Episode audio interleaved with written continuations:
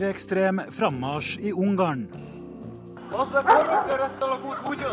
Jeg tisser hakekors, roper en av dem på et opptak fra et overvåkingskamera fra april i fjor. Han fortsetter å rope mot de falleferdige husene der romfolket bor, at han skriver navnet til Ungars Quisling på bakken. Skittkastingen tar av i republikanernes nominasjonsvalg. Meet Stretch Romney. He can stretch to the right and the far right. He can stretch to the left and the far left. Bend. Dette er Verden på lørdag. Jeg heter Øyvind Nyborg. Aller først, velkommen til deg, utenriksminister Jonas Gahr Støre. Takk skal du ha. Som vi hørte i Dagsnytt, så opphever Norge nå rådet om ikke å handle eller investere i Burma.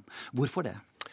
Det er en samlet vurdering etter et år med ganske oppsiktsvekkende reformer i Myanmar, hvor vi har sett et militærregime bli erstattet med et sivilt regime. Det var ikke nok. Men så har det kommet reformer på en lang rekke områder. Frigivelse av Aung San Suu Kyi, annonsering av nyvalg.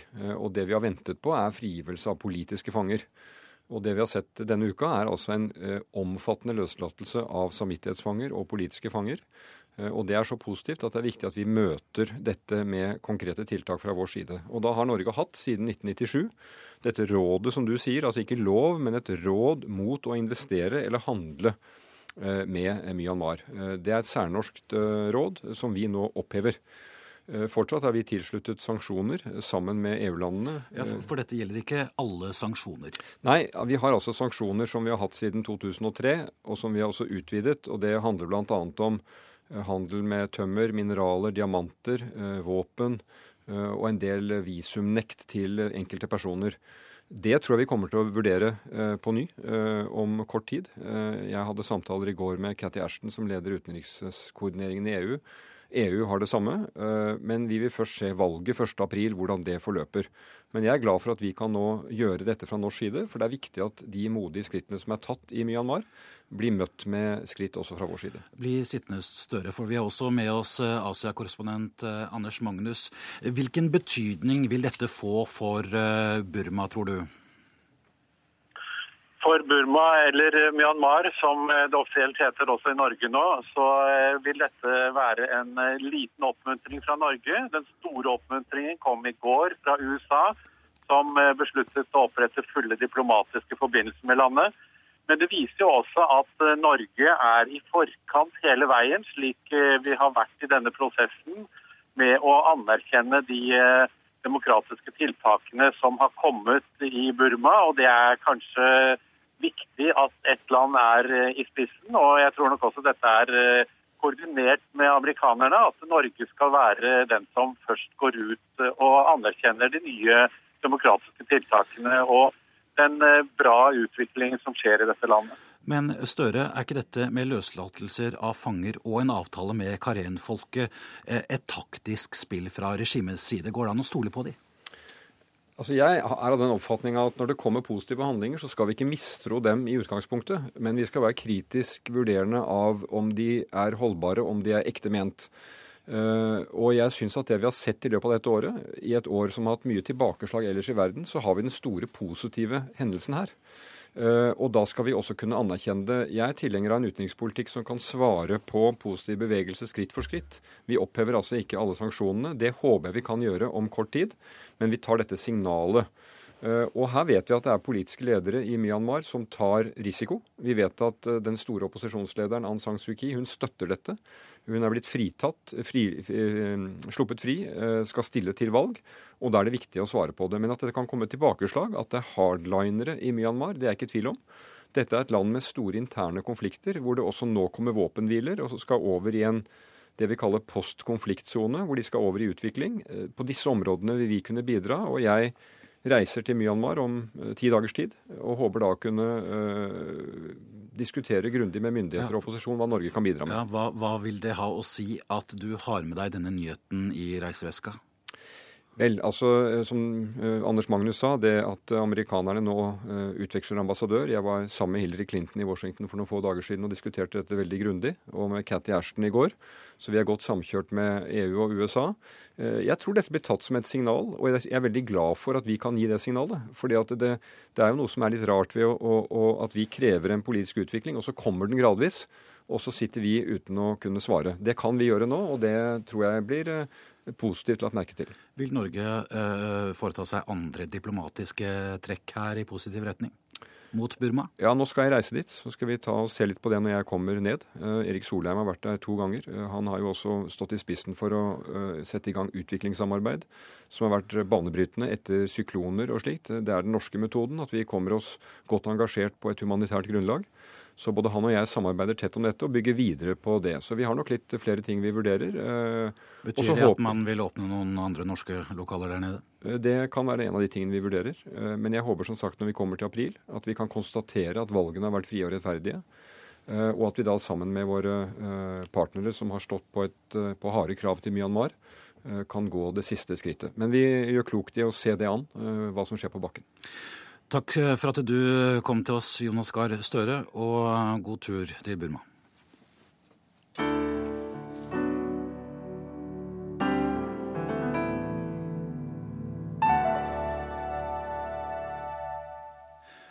Vi skal til Europa igjen og snakke om Ungarn. For der har det høyre-radikale partiet Jobbik gått drastisk til verks for å løse det de ser på som en alvorlig trussel mot nasjonen. Romfolket føder barn for å få trygd og gidder ikke jobbe eller gjøre noen nyttig, sier en av lederne i partiet.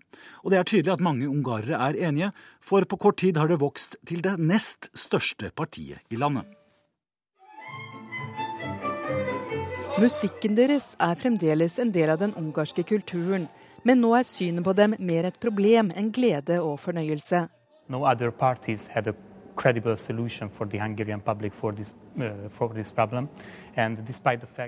Ingen andre partier har noen løsning.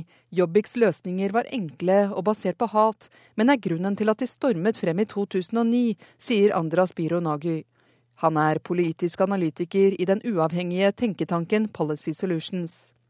Løsningene er av den sort de færreste politikere ville turt å snakke høyt om. Men en av Jobbiks representanter i nasjonalforsamlingen, John Josie Marton, har ingen problemer med å lufte sine tanker. Uh, Jobbik has had a, uh, one uh, proposal that gypsy children should be taken into, into boarding schools. Uh, Sigøynerbarn bør tas ut av hjemmet og sendes på internatskole, der lærere og pedagoger kan følge dem opp. Slik kan vi redde neste generasjon sigøynere, sier han. Kledd i svart dress og med nykjemmet hår møter han NRK i parlamentet. Jobbik fikk 46 av de 386 plassene ved forrige valg. Siden har det bare gått oppover, og nå er de ifølge målinger det nest største partiet i landet.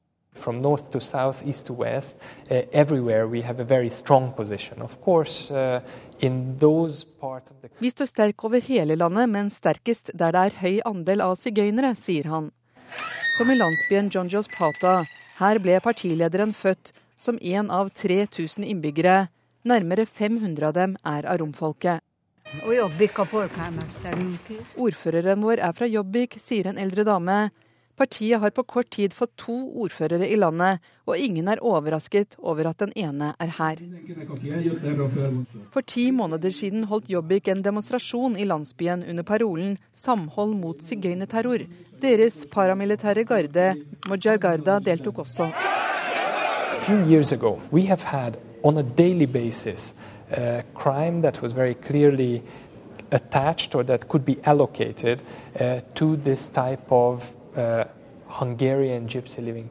det at ungarere og sigøynere lever sammen uten at romfolket blir integrert, har i en årrekke ført til kriminelle handlinger, som at folk blir stukket ned, drept eller voldtatt, sier Maiton.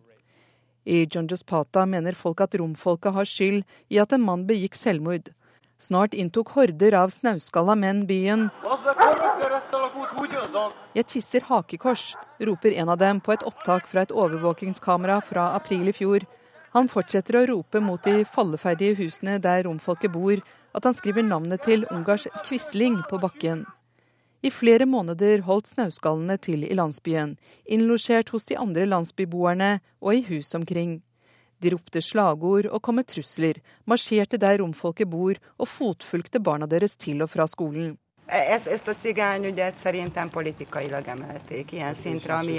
Denne sigøynersaken er blåst opp av politikerne, sier en av landsbyboerne når vi besøker byen. There were a lot of cases uh, uh, uh, the other way around, where Hungarians were stabbed. uh, Det har vært mange saker der romfolket står bak vold, men jeg tror det vil være vanskelig å finne eksempler på det motsatte, sier Maiton. Moji Argaida marsjerte i landsbyen når politiet ikke gadd å gjøre jobben sin, men det er ikke det samme som at de er voldelige, bare at de beskytter ungarere, mener han. Etter at Jobbik fikk ordføreren i fjor høst, har politiet begynt å patruljere gatene hele tiden. De bøtelegger romfolket for alt. Én forteller at hun fikk bot for ikke å ha brukt fortau, selv om det ikke var noe fortau der. En elleve år gammel jente for å gå med en pinne i hånda. Politiet kalte det våpen. Også nasjonalt har Jobbik stor innflytelse på politikken. Det høyreorienterte regjeringspartiet Fides stjeler flere saker fra Jobbik, som nå er det eneste partiet i Ungarn som øker i oppslutning. On a certain number of issues, we can detect that the government stole issues from the party program uh, of Jobbik. So do you think Fidesz go more to the far right now because of Jobbik? I would rather say that Fidesz uh, tries to steal some voters from Jobbik as well. So they are doing a couple of issues that could be uh, that could be sympathetic for uh, Jobbik voters as well.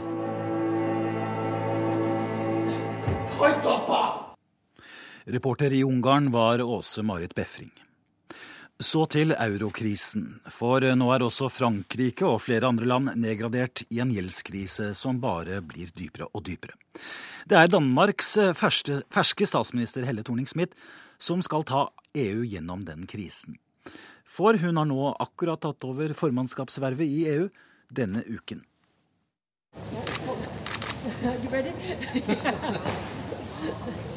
Midt i blitsregnet Danmarks ferske statsminister Helle Thorning-Smith. Smilende mot kameraene med EU-kommisjonens president José Manuel Barroso i København. Hun skal lede EU med dansk formannskap i den verste krisa i unions historie. På hjemmebane har det heller ikke vært lett for Thorning-Smith. Det vil si Mange av de løfter som hun ga i valgkampen, har hun så gått tilbake fra å gå på retrete. Øh, Og Det er det mange der er skuffet over. Bent Winther er redaktør i magasinet Politico i avisen Berlinske Tidene. Hans avis oppsummerer de første 100 dagene med Thorning-Smith i statsministerstolen som tidenes verste. Men med dansk formannskap i EU står hun nå overfor en enestående sjanse. Altså For henne er det jo en stor sjanse for å komme ut og vise at, øh, at, at hun også som ny statsminister øh, kan begå seg i det internasjonale diplomati. Men det er selvfølgelig også et, et sted hvor tingene kan gå galt. Så det er klart at det er også øh, for henne en risikabel affære. Hun skal håndtere en masse saker, og noen av dem øh, kan gå galt. Og så vet vi, så faller hammeren. Så, så vil man, kan man si, hurtig øh, si det duer hun så heller ikke til. Danmark overtar styringen i EU i en historisk vanskelig tid. Og også Danmark får nå merke krisen. Økonomien er på vei ned, og arbeidsledigheten på 7,5% stiger. Ved arbeidsledighetskontoret i Skjelbæk i København er det kø av unge mennesker. Siden 2008 er ledigheten blant unge mer enn fordoblet, og er nå på 15% Tanita Kongshammer på 21 år må starte sin yrkeskarriere med arbeidsledighetstrygd. Det føles hårdt, øh, fordi jeg så jo heller å komme i arbeid med det samme enn å skulle søke om det ene og annet øh, hjelp og sånn noe. Så helt klart vil jeg heller ut på arbeidsmarkedet hurtigst mulig. I går ble krisen i eurosonen skrudd opp nok et hakk. Kredittverdigheten til Frankrike og en rekke andre eurosoneland ble nedgradert av ratingbyrået Standard Poor's. Dermed kan det bli enda vanskeligere å låne penger for de gjeldstyngede eurosonelandene. Det haster å finne en løsning, og det alle lurer på, er hva Danmark kan klare. Politisk redaktør i Danmarks Radio Asker Rostrup har ikke høye forventninger. Ja, Det er et utrolig godt spørsmål, og det vil jo vise seg altså, Jeg tror ikke man skal bilde seg inn at Danmark kan gøre noe afgørende, men man kan måske være en, en medfasilitator, en medmediator. At Det er altså de store landene, det er Tyskland og Frankrig, som driver prosessen mot en, en løsning, en form for udvej på finanskrisen. Og det er Storbritannien, der dikterer i hvilket omfang at man kan holde sammen på Europa. Og hele Thorning-Smith har allerede fått merke hvem som bestemmer. På et toppmøte før jul gjorde president Nicolas Sarkozy det klart at han ikke lar seg diktere av Danmarks ferske statsminister. Du er ny, Danmark er lite og ikke med i euroen, vi gidder ikke høre på dere, sa Nicolas Sarkozy. Og Sarkozy har et poeng, ifølge Rostrup. Hvis man tenker nærmere over det, så har han jo litt rett. Danmark er et lille land. Helle Thorning-Schmidt er en ny statsminister, og Danmark er ikke medlem av euroens siste fase. Vi har ikke euroen, og på den led så skal man også nok se i øynene. Det er Frankrig, Tyskland, til dels Storbritannien, der driver de her prosesser. Det var europakorrespondent Hege Moe Eriksen som rapporterte fra København. Til eh, amerikansk valgkamp nå. Mens kandidatene setter kursen mot eh, Sør-Carolina, der den neste bataljen i nominasjonsvalgene finner sted om en uke, så bygger det seg opp til nye runder i svertekampanjen mellom disse som håper å bli USAs neste president. Know what makes Barack Obama happy?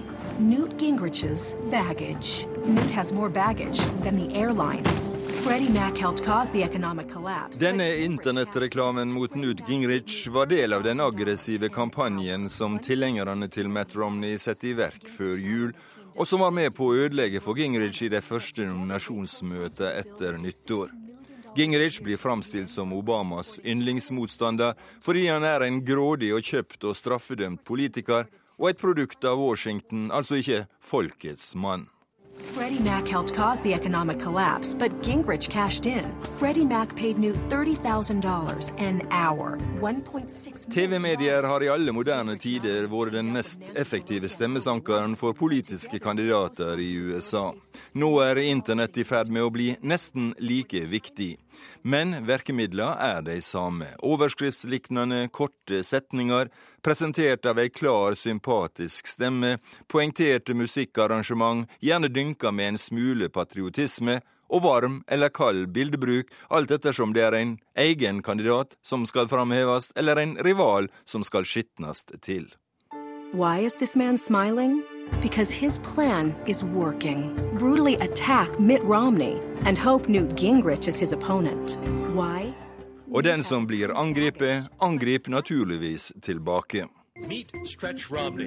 He can stretch to the right and the far right. He can stretch to the left and the far left. Bend to be pro-choice. En Romney kan ifølge denne Gingrich-reklamen strekkes i alle retninger, med andre ord står for ingenting. Men i tillegg har Gingrich-leiren også gått til åtak med en video som tegner Romney som en hjerteløs finanshai som har skapt milliardformuen sin ved å knuse virksomheter og sende folk i arbeidsløse. A group of corporate raiders led by Mitt Romney. More ruthless than Wall Street. Det er tonen som nå er sett fram mot nominasjonsvalget i Sør-Carolina om ei uke. I think it's gonna be tough in South Carolina. It tends to be, you know, knuckles part of the campaign, especially in the primaries, and you know, lot. Lot. Sør-Carolina blir en knokkelkamp, spår denne mannen i New Hampshire, som er glad for at valgsirkuset nå er ferdig i hans trakter. Sør-Carolina har også et rykte på seg som en av de giftigste kamparenaene.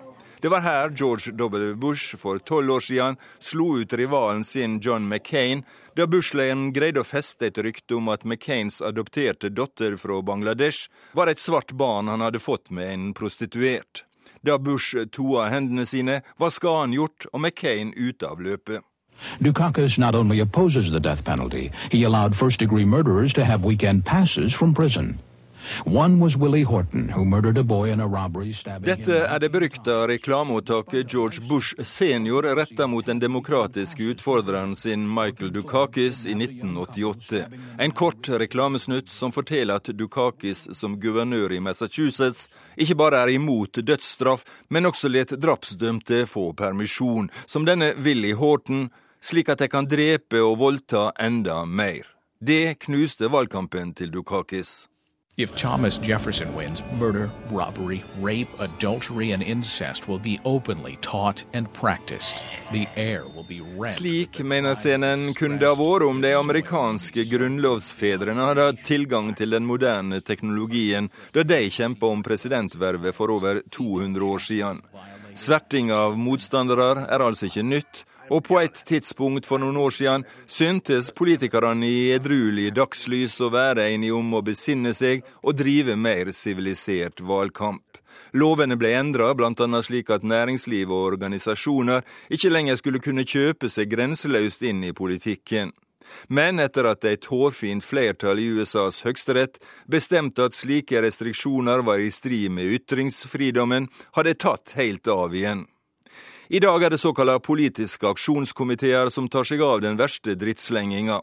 De har ingen formell tilknytning til kandidatene de støtter, og kan i praksis bruke så mye penger de bare vil på å snakke stygt om andre.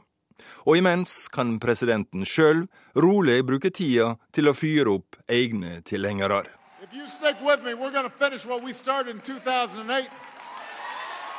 We will remind this country and we will remind the world just why we are the greatest nation on earth. God bless you, Chicago. I love you. Hele den republikanske bøtteballetten er nå kommet i samlet flokk til Sør-Carolina. og Der er du USA-korrespondent Anders Tvegård. Hvordan er stemningen foran valget? Altså Her er valgskilt godt plantet i, i hager og under uh, små palmer langs veiene. Dette her er jo den tredje delstaten som skal nominere partiets presidentkandidat. Radio og fjernsyn er fylt med reklamer og beskjeder som uh, enten framhever en kandidat eller, eller, sverter den andre.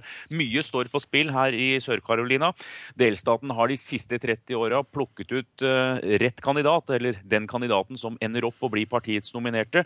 Og det er ventet ventet at eh, flere av presidentkandidatene må gi seg eh, hvis de ikke gjør det, gjør det bra her. Mm. Men altså, hva er det det står om? Hva er det folk legger vekt på i Sør-Carolina?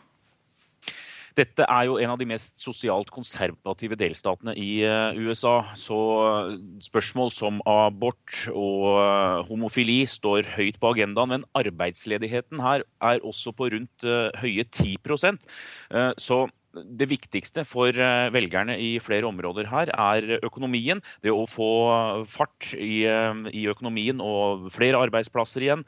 Eh, du har i den nordvestlige delen av, av Sør-Carolina, i, i, bibelbeltet, så har du de som bare vil stemme ut ifra sosialt, sosiale spørsmål som abort og homofili. Mens langs kysten så har du de mer moderate, som lar lommeboka bestemme. Er det noe som kan hindre at eh, Mitt Romney eh, seirer også i Sør-Carolina? Hvis Mitt Romney vinner, eh, så er det takket være de kristenkonservative. Ikke det at de støtter ham, men de evangelisk kristne, som utgjør rundt halvparten av velgerne her i Sør-Carolina, de er splittet. De er delt i synet på hvilken kandidat de vil ha. Stemmene deres de spres på Newt Gingrich, Rick Santorum og Rick Perry, og det lover godt for Mitt Romney. Det er heller dårlig nytt da, for de som eh, ønsker et alternativ til uh, Romney, som, som, kanskje ville håpe at eh, høyrefløyen og Eller den kristne høyrefløyen og Tea Party-aktivistene ville samle seg rundt en anti-Romney her. så så det, det ligger til, til, rette for en Romney-seier. Hvis vi skal se på meningsmålingene, så har de gått uh, opp og ned nå de, de, siste dagene. Rett før jul så var Newt Gingrich helt på topp. Så har Romney uh, overtatt uh, og ledet med opp til 37% Han fikk en fjerdeplass her i 2008. Men de siste dagene da, så er det gjort målinger også blant dem som har bestemt seg for å gå inn i valglokalet og stemme og der skiller det bare to prosentpoeng mellom Mitt Romney og Newt Gingrich. Så det kan bli veldig jevnt og spennende også her i Sør-Carolina neste lørdag.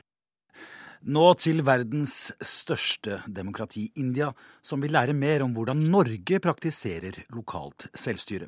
Kommunal- og regionalminister Liv Signe Navarsete har denne uken besøkt India, der de står foran viktige, nettopp lokale valg neste måned. राजनीति अभी यही समझ में आई है अल्पसंख्यक मुसलमान कहीं नहीं जा सकता समाजवादी पार्टी को छोड़ के नहीं जा सकता Indias neste statsminister, som mange liker å kalle Rahul Gandhi, driver valgkamp i delstaten Uttar Pradesh foran lokalvalgene der i neste måned. Med Uttar Pradesh sine 200 millioner innbyggere får lokalvalg en ny mening. Og mye i dette lokalvalget har dreid seg nettopp om Rahuls rolle. Han som er femte generasjons rikspolitiker og muligens fjerde generasjons statsminister i India. Dette kan stå som et eksempel på at India, i flateinnhold ti ganger større enn Norge og med 250 ganger så mange innbyggere, er sentralstyrt og topptungt. Men kommunal- og regionalminister Liv Signe Navarsete har denne uken erfart at inderne vet hva som må til. En ser i India at skal en lykkes med å få velstanden som er i ferd med å vokse, spesielt i byområdet, til å gjelde hele landet, så må en starte lokalt, slik vi òg har gjort i Norge. Norge er bygd fra lokaldemokratiet opp, og det er det eh, som jeg har snakka med min kollega i, i India om, at en òg ser i India. Akkurat det vet vi mye om i Norge. Vi har prøvet og feilet i 175 år og har mye å tilføre. India har 250 000 kommuner, slik det er delt opp her. Det har jo òg i Norge gått i bølger. Eh, staten har tendenser til å, styre kanskje vel mye, vil mange mene. Eh, så det viktige vi kan eh, bidra med, det er å, vise at det går an å ha store og små kommuner som kan få oppgaver og takle dem, og, og, bygge et politisk eh, nivå som, som, styrker landet i stort. Og at kvinners deltaking i det lokaldemokratiet er avgjørende for å lykkes. Den indiske landsbygda er mannsdominert og brutal. Mange indiske kvinner som gjerne vil delta i politikken, de får ikke lov av sine menn. De blir nektet å gå på møter. Og denne motstanden den følges opp med trusler og vold. Mange tror at kvinnene i India er formelt og lavmælt. Vi har både møtt og sett at kvinner som eh, er tydelige, som er stolte, eh, som kan og som vil. Men det blir viktig, parallelt med å løfte lokalt selvstyre, at en òg evner å bygge gode utdanningssystem òg ute i eh, regionene utenfor de store byene. Og at en eh, bygger infrastruktur. Slik sett kan en jo se paralleller òg til det norske samfunnet, der nettopp utdanning og infrastruktur er to viktige nøkler for å sikre vekst i, i Norge i framtiden. Øygarden kommune i Havgap i Hordaland skal utveksle erfaringer med en kystløs kommune i den sørøstlige indiske delstaten Andhra Pradesh. To helt forskjellige virkeligheter, klimatisk og økonomisk, sosialt og religiøst, der den politiske avstanden er enda lengre enn den geografiske. Likevel har de noe helt grunnleggende til felles, som forener dem, sier kommunalminister Navarsete. De kan lære det som er felles for demokratiet og lokaldemokratiet, eh, nemlig at eh, vi må gjøre folk oppmerksom på sine rettigheter som innbyggere, som borgere. En må sikre kvinner sin deltaking. Og en må trene for å bli gode ledere. Det gjelder jo menn, men kanskje spesielt kvinner, som nå er, eh, kommer opp og fram. At de må få den oppbacking og treningen som de trenger for å kunne bli gode ledere i sine lokalsamfunn. Og Det er viktig i Norge, og det er viktig i India. Vi skal til landet som ble uavhengig i Sovjetunionen for rundt 20 eh, år siden, og til landet som eh, Nazarbayev har eh, styrt omtrent like lenge, Kasakhstan, og som har valg i morgen, Hans-Wilhelm Steinfeld. Hva er det det står om? Det står primært om å få stabilisert landet. Eh, president Nazarbayev, Nusurtan ved fornavn, har jo vært en intellektuell mann. Og for to år siden måtte han jo nedlegge veto, eh, for dette er et klansamfunn. Og de klanene som støttet ham, ville gjøre ham til president på livstid, og mannen la selv ned veto mot det. Så her har du et opplyst hode som president i et tilbakestående land preget av klansvelde. Og det har jo vært opptøyer på øh, kysten av Det kaspiske hav hvor det var snakk om at de ikke skulle få ha eh, parlamentsvalg i morgen. Eh, også det la presidenten ned veto mot. Og Kasakhstan er en nøkkel nøkkelspiller for stabiliteten i Sentral-Asia. Vi er ikke så veldig langt unna Afghanistan nå, eh, så, så, det er et viktig samfunn, og russerne er veldig opptatt av det som skjer der. Mm. Det er ventet at dette partiet Aksol eh, kommer inn og utgjør en slags opposisjon i Kasakhstan. Hvilken rolle vil de få? Det er vel bare én ting å si, og det er at middelklassen er en ganske beskjeden sosial virkende kraft i Kasakhstan, så noen veldig stor rolle vil de ikke få. Vi skal ha ingen illusjoner om at Nazarbayev, uansett hvor opplyst den gamle fysikeren er i hodet sitt, så, så, er det ikke demokrati i vår forstand, og myndighetene har god kontroll på propagandamidlene, primært fjernsynet, akkurat som i Russland. Eh, så det er nok utvilsomt at det er Nazarbayevs parti som blir sittende med bukten og begge endene. Du nevnte storebror Russland, som har et uh, godt grep om Kasakhstan fortsatt. Hvilken vei vil dette store landet gå? Det grepet går begge veier. Fordi nå har man nettopp sjøsatt en ny tollunion mellom Russland, Kasakhstan og Belarus. Eh, Kasakhstan er nøkkelspilleren i Sentral-Asia. Hvis vi tenker på energiforsyningene til EU, så står Norge for 30% av gassleveransene, Russland for 30% Kasakhstan for 20 Dvs. Si Sentral-Asia. Hoveddelen er Kasakhstan. Eh, landet har en 8000 km grense med Russland. Eh, der er ikke en grensepåle mellom de to landene. Eh, så det er klart at det er primært Kasakhstan russerne har det skapende nøkkelforholdet til når det gjelder de tidligere sovjetrepublikkene. Så det er, for å bruke et populært uttrykk fra Russland, litt av et politisk tandem, det også. Det er en slags uh, tandem uh, Norge også driver med der, med ganske store uh, økonomiske interesser. Vil det endres etter et valg i morgen? Nei, det er åpenbart at Kasakhstan, som Russland, trenger vestlig olje- og gassekspertise. For investorene vestfra er jo stabilitet nøkkelordet. De ligger ikke så veldig våken om natten, disse oljemagnatene fra vest, og kaster seg fra side til side urolig og søvnløse i køyen med tanke på dissidentenes skjebne. For naturligvis, Kasakhstan er i likhet med Usbekistan en stat som f.eks. bruker elektrotortur i avhør av politiske motstandere. Det har de gjort lenge, helt siden 1980, 2002, da FN slo alarm. Eh, så det er et tøft styrt samfunn, men det er et grisgrendt samfunn, og det er et energirikt samfunn som er en nøkkel til stabilitet i Sentral-Asia. Da får vi se hvordan veien går videre for Kasakhstan framover etter valget i morgen.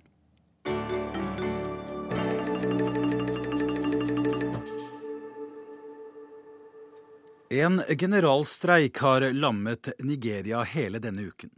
Folk har tatt til gatene for å protestere mot at bensinprisen doblet seg fra nyttår.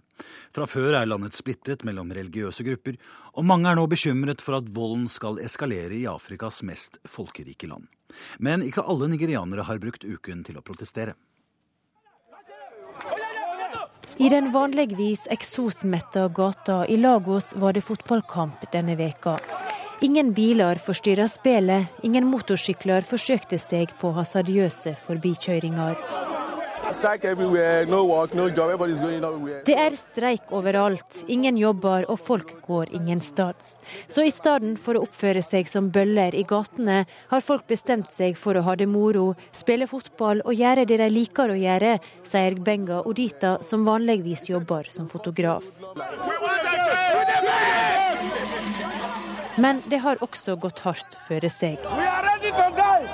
Flere er drepne, mange er skadde, og store deler av landet har vært lamma etter at fagforeningene mana til generalstreik mandag.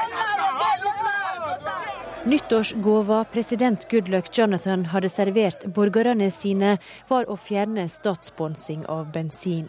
Landet har ikke lenger råd til å bruke 8 milliarder dollar årlig på å subsidiere drivstoff. Men relativt billig bensin var den eneste fordelen vanlige nigerianere drog av oljerikdommen, så kanskje var det ikke så rart de tok til gatene. Bensinprisen dobla seg over natta, og drog med seg prisen på andre varer og tjenester i dragsuget. Det merkes når flertallet av folket må klare seg på et par dollar om dagen. On, us, og Nigerias president sitter med en vev der trådene er spunnet av problem. Én ting er de streikende massene som har sett seg leie på at en relativt liten elite syr til seg storparten av det landet produserer. Men korrupsjonen gir også inspirasjon til ei rørsle som er langt farligere. I flere år har den islamistiske sekta Boko Haram stått bak åtak på den kristne minoriteten nord i landet. Og de har truga med at de kristne skal drives ut om de ikke reiser frivillig. Men også den muslimske eliten i nord provoserer islamistene, sier den danske Nigeria-forskeren Thomas Horn Hansen ved Kings College i London. De er fokusert på lokal nigeriansk politikk og, det er meget fokusert på øhm, det nordlige Nigeria, som er, som er islamisk eller muslimsk. Øhm, fokuseret på den lokale magtstruktur. Øhm, og de er meget utilfredse med de lokale øh, magthavere, som, som er sett som øh, co-opted, altså en del av den nigerianske stat. Det er ikke så godt å skilje de som utgjør den ideologiske kjernen i Boko Haram, og andre fraksjoner som kaller seg ved samme navn. Men den sekteriske volden har økt i det siste, og senest denne veka har det vært hevnåtak mot de som utgjør den muslimske minoriteten i sør. En annen Nigeria-forsker NRK har snakka med, og som ikke vil uttale seg på radio i frykt for å havne på dødslista til Boko Haram, mener gruppa er i ferd med å skape en situasjon som potensielt sett er svært farlig. Gruppa har som uttalt mål å knuse statens institusjoner. De vil innføre sharialov i hele landet, og de rekrutterer stadig flere unge og frustrerte muslimer. Også Thomas Horn Hansen ser at Boko Haram har synt nye takter i det siste. Det vi har sett her i løpet av det siste år, det er jo at de har, de har utført i hvert fall to til tre angrep øh, på politi og på statsstyrker. Men, men, men, det der så er, er, sket mer her i løpet av det siste året, det er jo at, at de begynner å gå etter internasjonale mål. Og de, de liksom vokset fra øh, å ha de her angrep mot politiet til å bruke øh, selvmordsbomber og bruke øh, bilbomber, som, som er mer en, en, en internasjonal taktikk. Flere har advart om at den religiøse konflikten kan utarte til en ren borgerkrig. Men Hansen tror ikke spådommene trenger være så dystre det, der er en risiko for det, men det er ikke samtidig er det, det er ikke en stor risiko øh, på nuværende tidspunkt. Nigeria har vært i krise de siste 15 år. Men, men det er litt verre nå. fordi det, det, altså det er et overlapp. Det er både den her streike, så det er Boko Haram. Så, så der, der, er i hvert fall to eller tre forskjellige ting. Der er et problem lige for tiden. Når det gjelder streiken, så har fagforeningene varsla at de vil holde på til Goodluck Jonathan gjeninnfører bensinsubsidier. Men mange er streiketrøtte etter at landet har vært lamma ei heil arbeidsveke.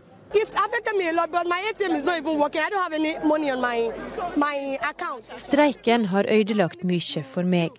Minibanken virker ikke, jeg har ingen penger og jeg har ingenting å gjøre.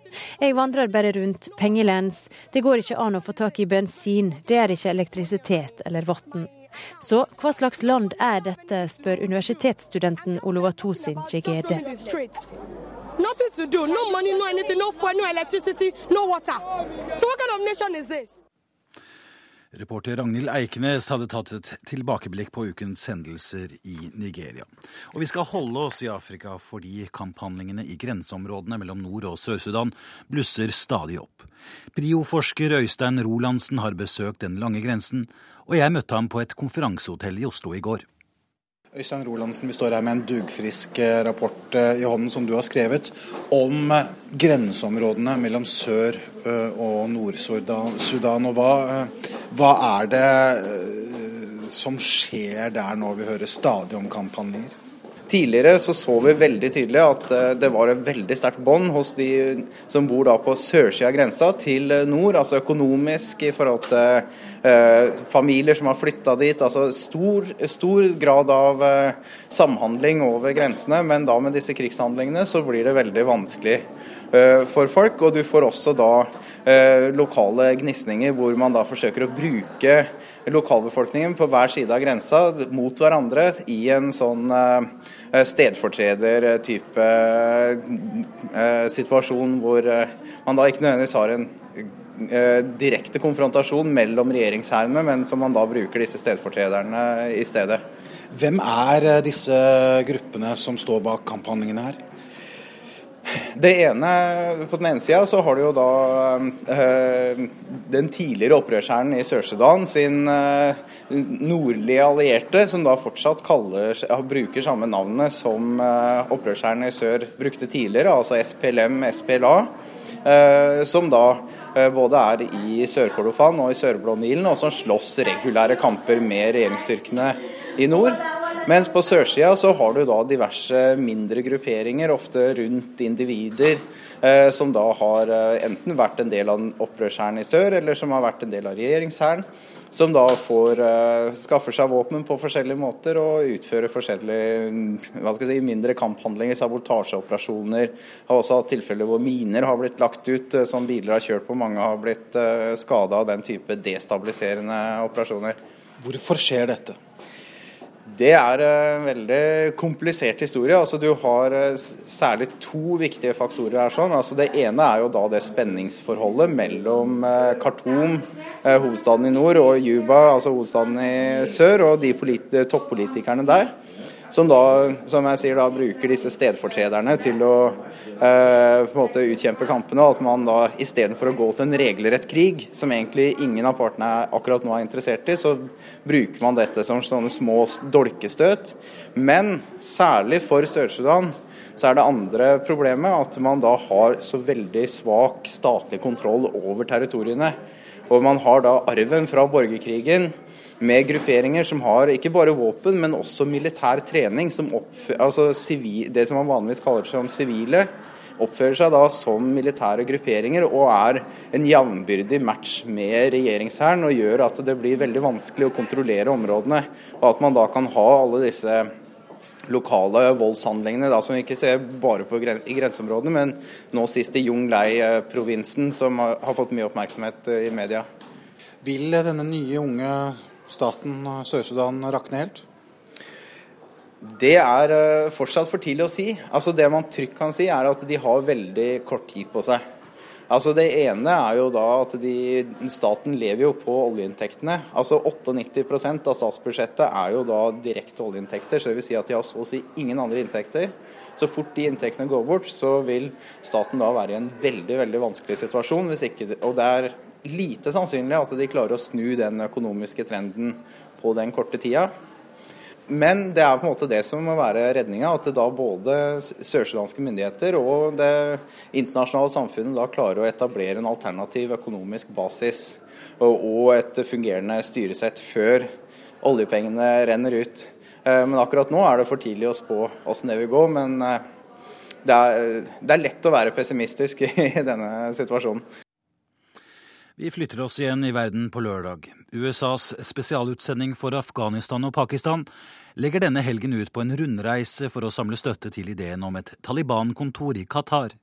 Blant skeptikerne en, finnes en afghansk president Hamid Karzai. Forholdet, har, forholdet til amerikanerne har knapt vært så dårlig som nå.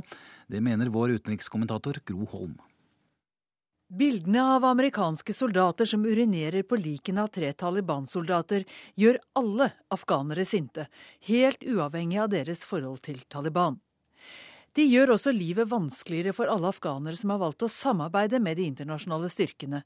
De må igjen forsvare seg med at denne og lignende hendelser er unntakene. President Karzai får nok en gang bekreftet at han bare delvis er herre i eget hus, et faktum han visstnok hater å bli minnet om etter ti år med utenlandske soldater i landet.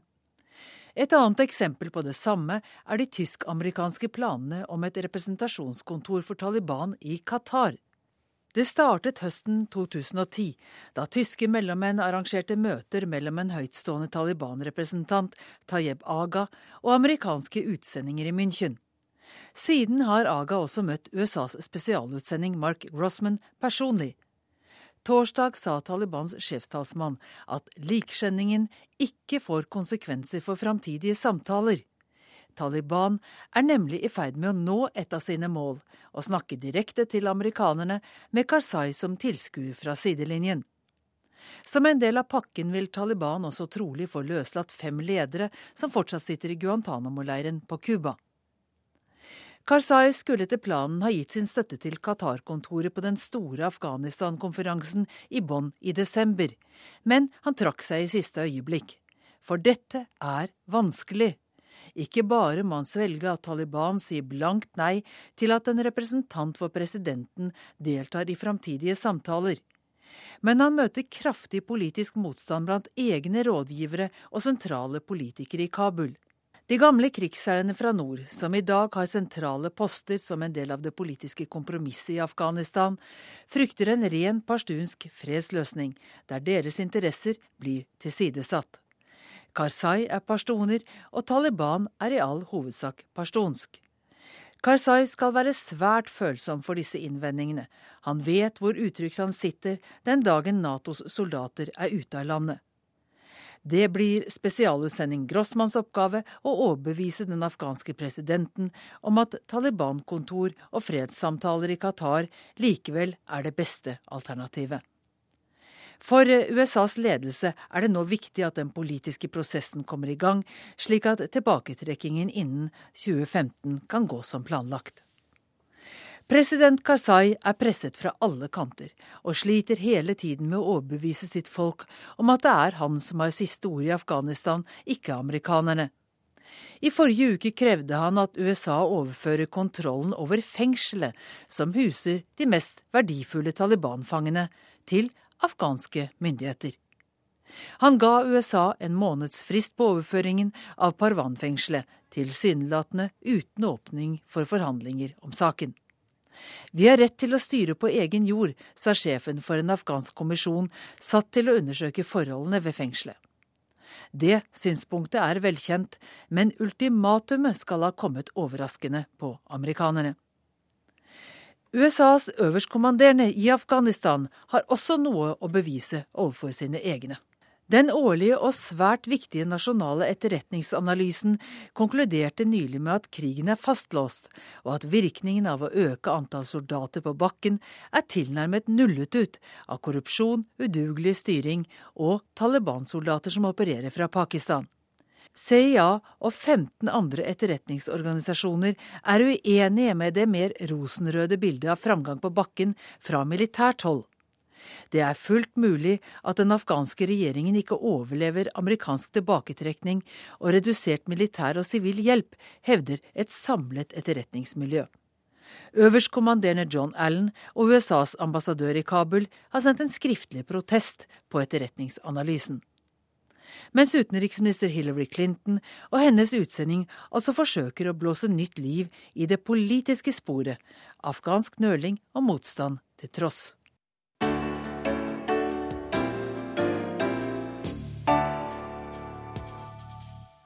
Så åpner vi korrespondentbrevet som er fra Lars Sigurd Sunnanå i Kenya. Livet her i Nairobi er ikke som det pleier å være. Iallfall ikke når jeg og min kone skal ut og handle, eller når vi tar turen til en av restaurantene i byen for å unne oss en god lunsj eller middag.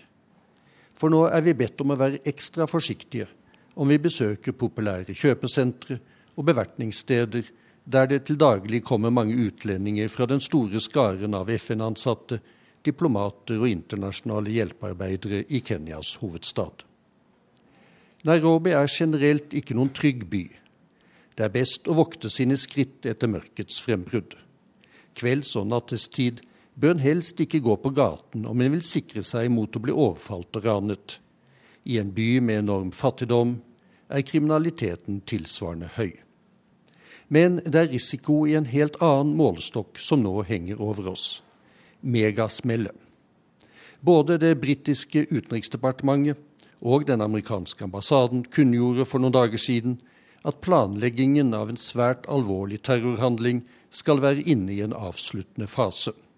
Den kenyanske sikkerhetstjenesten har fått opplysninger om at fremtredende medlemmer av den islamistiske opprørsbevegelsen Al Shabaab skal ha tatt seg inn i Kenya fra Somalia for å gjennomføre en større bombeaksjon. Det er snakk om somaliere som står høyt oppe på det amerikanske føderale politiets liste over ettersøkte terrorister. Det er tette bånd mellom Al Shabaab og terrororganisasjonen Al Qaida, som i en selvmordsaksjon i august 1998 kjørte en lastebil fullastet med sprengstoff inn foran den amerikanske ambassaden i Nairobi. Eksplosjonen som fulgte, drepte 212 mennesker, mens rundt 4000 ble skadet. Så sent som under verdensmesterskapet i fotball i Sør-Afrika i forfjor slo Al Shabaab til i Kampala i Uganda.